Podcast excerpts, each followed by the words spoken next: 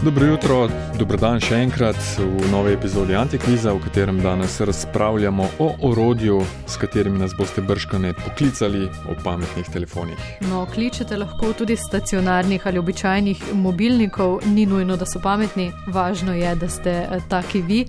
So pa trditve povezane s pametnimi mobilnimi telefoni. Pet jih imamo. Vsak pet ne. Pet jih imamo podatkov, kot vedno, štiri držijo. Eden je izmišljen, kateri, nič 1, 4, 7, 5, 2, 202. Ja, mi smo še na stacionarnem, uh, tole pa so trditve o pametnih telefonih.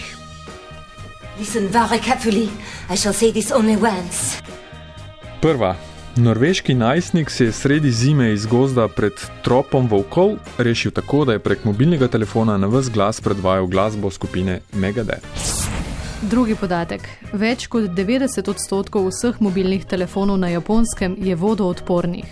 Predvsem japonska dekleta so z njimi tako obsedena, da jih seboj nosijo tudi pod tuš. Številka 3. Apple soustanovitelj Steve Wozniak uh, si je za svojo mobilno številko izbral 888 8888. Dnevno je dobil vsaj 100 naključnih klicev, zato jo je hitro zamenjal.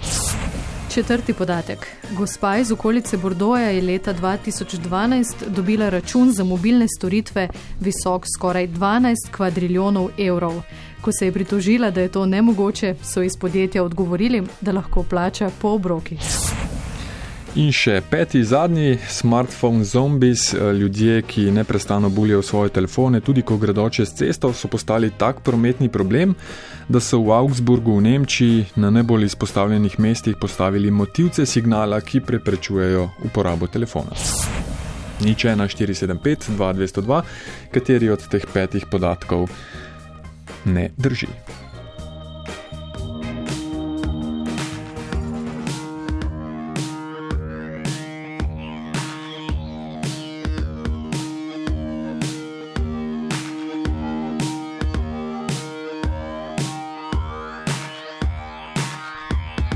Torej, čisto na hitro, še enkrat, če vseh pet, um, trop volkov in uh, glasba prek pametnega telefona skupine Megadeth. Uh, 90% mobilnih telefonov je na, na japonskem vodoodpornih, ker jih uh, gospe nosijo sabo pod tuš. Steve Wozniak, ki je imel številko mobilnega telefona z sedmimi osmicami, uh, gospa iz okolice Bordoja, ki je dobila račun za 12 kvadriljonov evrov, pa motivci signala na križiščih v Nemčiji, ker Uh, so zombiji. Ker so zombiji, ja, smartphone zombiji. Saša je pa prvi, ki nas je poklical, dobro jutro, oziroma dobro dan, dobro jutro. jutro. Z mobilnega, predvidevam. Ja, res je. A imate 888, 888? ne, nimam. Eno sem pozabil, 888, 88. Imate kako lepo? Um, Se ne da, ja. povejte, ampak. Je, je, lušna številka, ampak ne bi jo zelo. Eh, tudi nagrade niso take, da bi uh, vas zaradi tega potem kdo nadlegoval. Aha, ok, super. Ja, ne, uh, bi, bi poskusil, povejte, ne zanimive, ampak poskusil bi tisto o kvadriljonih, oziroma kako je šlo. Mhm. Kvadriljonih, ne, a veste, koliko je to bi, ničel? Ha, niti ne. Ne, ne povedam. Uh, pošteno povedano, tudi gospa ni vedela, ko je dobila račun za telefon. Aha.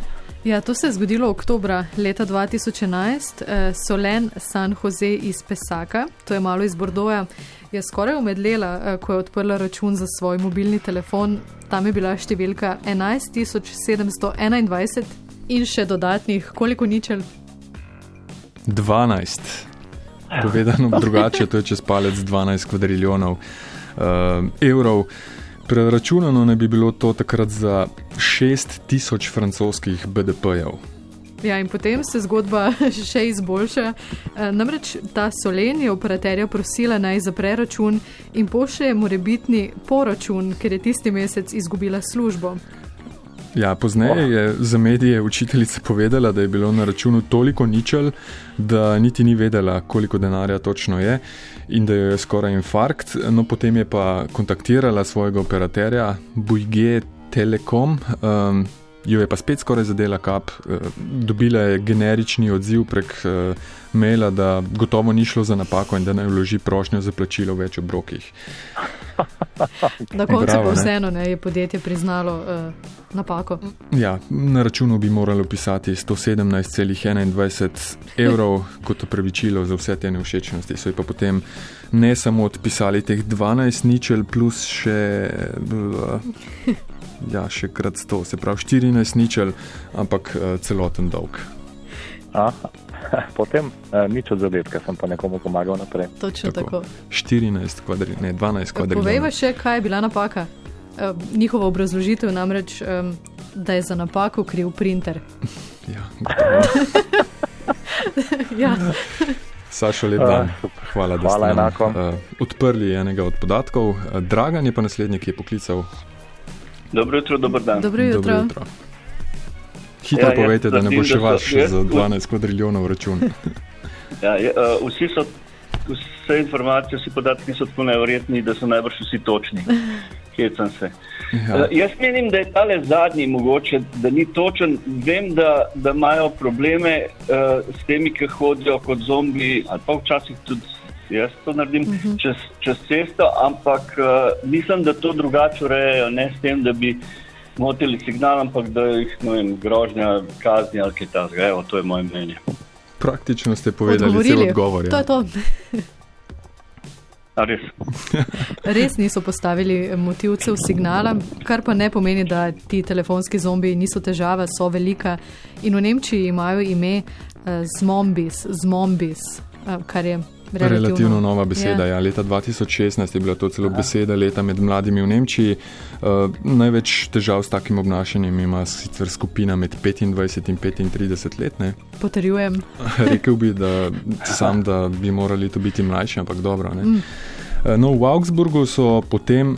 Uh, niso, od, niso se odločili to, kar smo trdili v uh, odgovoru, ne, da bodo postavili motivce zvoka, oziroma ne zvoka, signala mhm. na izpostavljene točke, ampak so namontirali dodatne talne semaforje za pešce.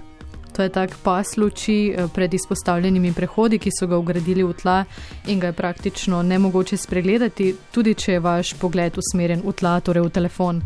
Ja, podobne Aha. talne semaforje, to je tako uh, let. Uh, pas. Let pas, uh, okrogle, Nemci temu pravijo za uh, pivovsko flašo, velike krogle, Aha. rdeče in zelene, namontirajo pred recimo pol metra pred uh, tračnicami. Uh, Bompelen, Boden, Ampfel. Eh, torej uh, talni semafori in pravijo, postavili so jih potem po Augsburgu, še v Kölnu in nekaterih drugih državah, v Minhnu, državah, mestih, uh. -huh. v Minhnu. Um, Kjer je leta 2016 tramvaj do smrti povozil najstnico s telefonom in slušalkami v šesih, pa so celo razvili aplikacijo, ki na posebej nevarnih prehodih uh, torej tam, kjer so ponekod postavljeni ti semafori, pošilja informacijo o tem, da bo tam, kjer stojite, čez nekaj sekund mimo zapeljal tramvaj. Ja, no, super. Ja, vedel sem, da je nekaj, da je, so našli neko rešitev. Uh, in se mi je dozdevalo, da ni bila ta, ki ste jo omenili. Odlično, čestitke. Dragane, čestitke. Ostanite na zvezi, da se uh, pogovorite z našo žirijo, oziroma da ji pustite podatke, da vam pošljemo uh, paket novega, ne, nagrado, hvala 202. Dobro, najlepša hvala, vse dobro na obema življenjima. Enako, hvala, enako. Lep konec tedna. Pa sem pa ugoden petek. E, ja, ta um, drug podatek je zelo zanimiv, ne vodoodporni uh, telefoni. Zdaj razmišljam, če bi imela vodoodporni telefon ali bi ga ne mara vzela s seboj tudi pod tuš. Pa mislim, da ga ne bi. Ah. A ga vzameš na stranišče? Seveda, tam večina ljudi pregleduje vaše fotografije. Ve, več kot 50 odstotkov. Japonska je zelo specifičen trg, kar se tiče mobilne telefonije, že kako desetletje tudi s posebnim. Lahko rečemo, kar standardom vodoodpornostjo mobilnih telefonov ocenjujejo, da je med 90 in 95 odstotkov celo vseh mobilnih pametnih telefonov tega standarda. Ja, predvsej bizaren razlog. Japonske ženske, predvsem mlajše, eh, naj bi bile tako obsedene s svojimi mobilnimi igračami, da jih nosijo s seboj tudi v kopalnico, še celo pod tuš ga vzamejo. Ja, da nimo LG, korejski, sploh ni izdeloval pametnih vodoodpornih telefonov, pa so jih potem prav za japonski trg razvili naknadno. Hkrati pa zato na japonskem ni nekaterih modelov telefonov, eh, ki jih uporabljajo drugot po svetu je pa seveda logično pri vodoodpornosti največja težava baterija. Če jo lahko s telefona odstranite, potem je telefon težko vodoodporen.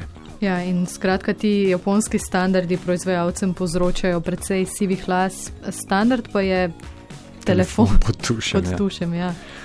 Eh, zaenkrat je pri nas, kot sva rekla, segel ta standard samo do stranišča raziskave. Upam, pravijo, da ne do stranišča, če ni vodo odporen. ja, vse je zanimiv podatek. Ja. Več kot polovica ljudi uporablja telefon, uporablja telefon na straniščih, še več, eh, skoraj petina uh, uporabnikov mobilnih telefonov na stranišču ima uh, izkušnjo, kako so ga vlekli iz. Ven in potem uh, dajali v riž in v silikatni ja, začetek na radiator in tako naprej. Oh. Pustimo. Um, Steve Woznjak. Ja. Uh, sicer najbolj znan kot soustanovitelj Apple, res poseben model, oboževal je tehnologijo, očitno tudi mobilno. Eden od njegovih eh, koničkov pa je bil tudi zbiranje posebnih telefonskih številk. Zanimiv hobi. Ja.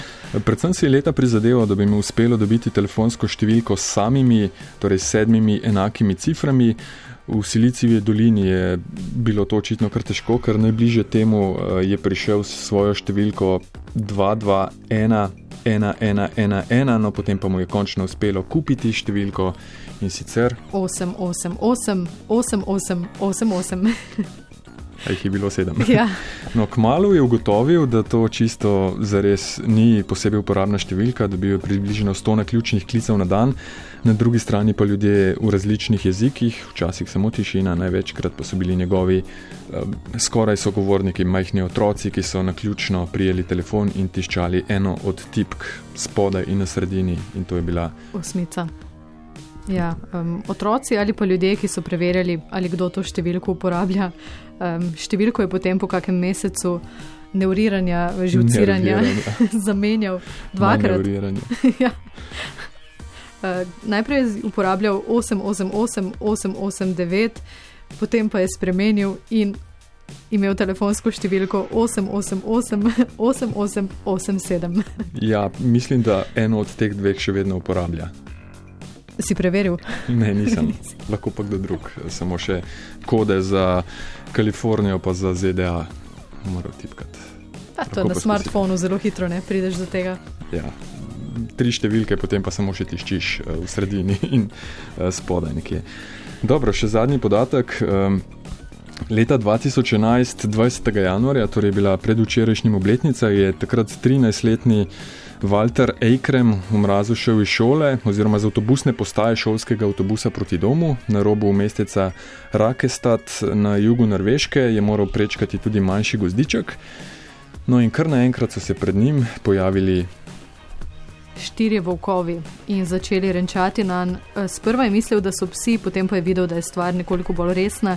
In potem se je spomnil na svetov staršev, kaj naj stori, če sreča kako divjo zver. Ja, iz mobilnega telefona je potegnil slušalke, ki jih pač uh, poslušajo takrat glasbo, dal zvočnike na vas glas in predvajal glasbo, ki jo je sicer najraje poslušal. Poleg tega pa je začel še na vas glas peti, mahati z glavo in rokami. In um, za norveško TV2 je takrat eh, povedal, da se je spomnil tudi na sveta, da je najslabše, če pred živalmi začneš bežati, ker bi ga volkovi potem začeli verjetno loviti. Postal bi plen, verjetno ne. Tako. Pa tudi tako zelo ga je bilo strah, da sploh ne bi mogel teči, je še dodal za televizijo. Skratka, na vse glas je začel vrteti glasbo, zasedbe Krit, pesem Overcome. Torej, ne čisto za res Megadeth kot uh, So poročali? Kot so poročali, ne, to, je bil, uh, to je bila takrat kar novica. Megadet je bila njegova najljubša skupina, uh, zato so o tem poročali mediji, pa se to niti ni bistveno. Skupina Krit, uh, verjetno bi bila naslednja na playlisti Megadet, pa so volkovi prej. Ej, se razbežali. Super. Um, in kot je potem še dejal ta ledeček, uh, Walter Eikrem. Danes študent računalništva. Um, se volkovi niso razbežali, so se pa obrnili in se počasi umaknili stran. Ja, tole v podlagi pa je to, kar je preplašilo volkove, Overcome Crete.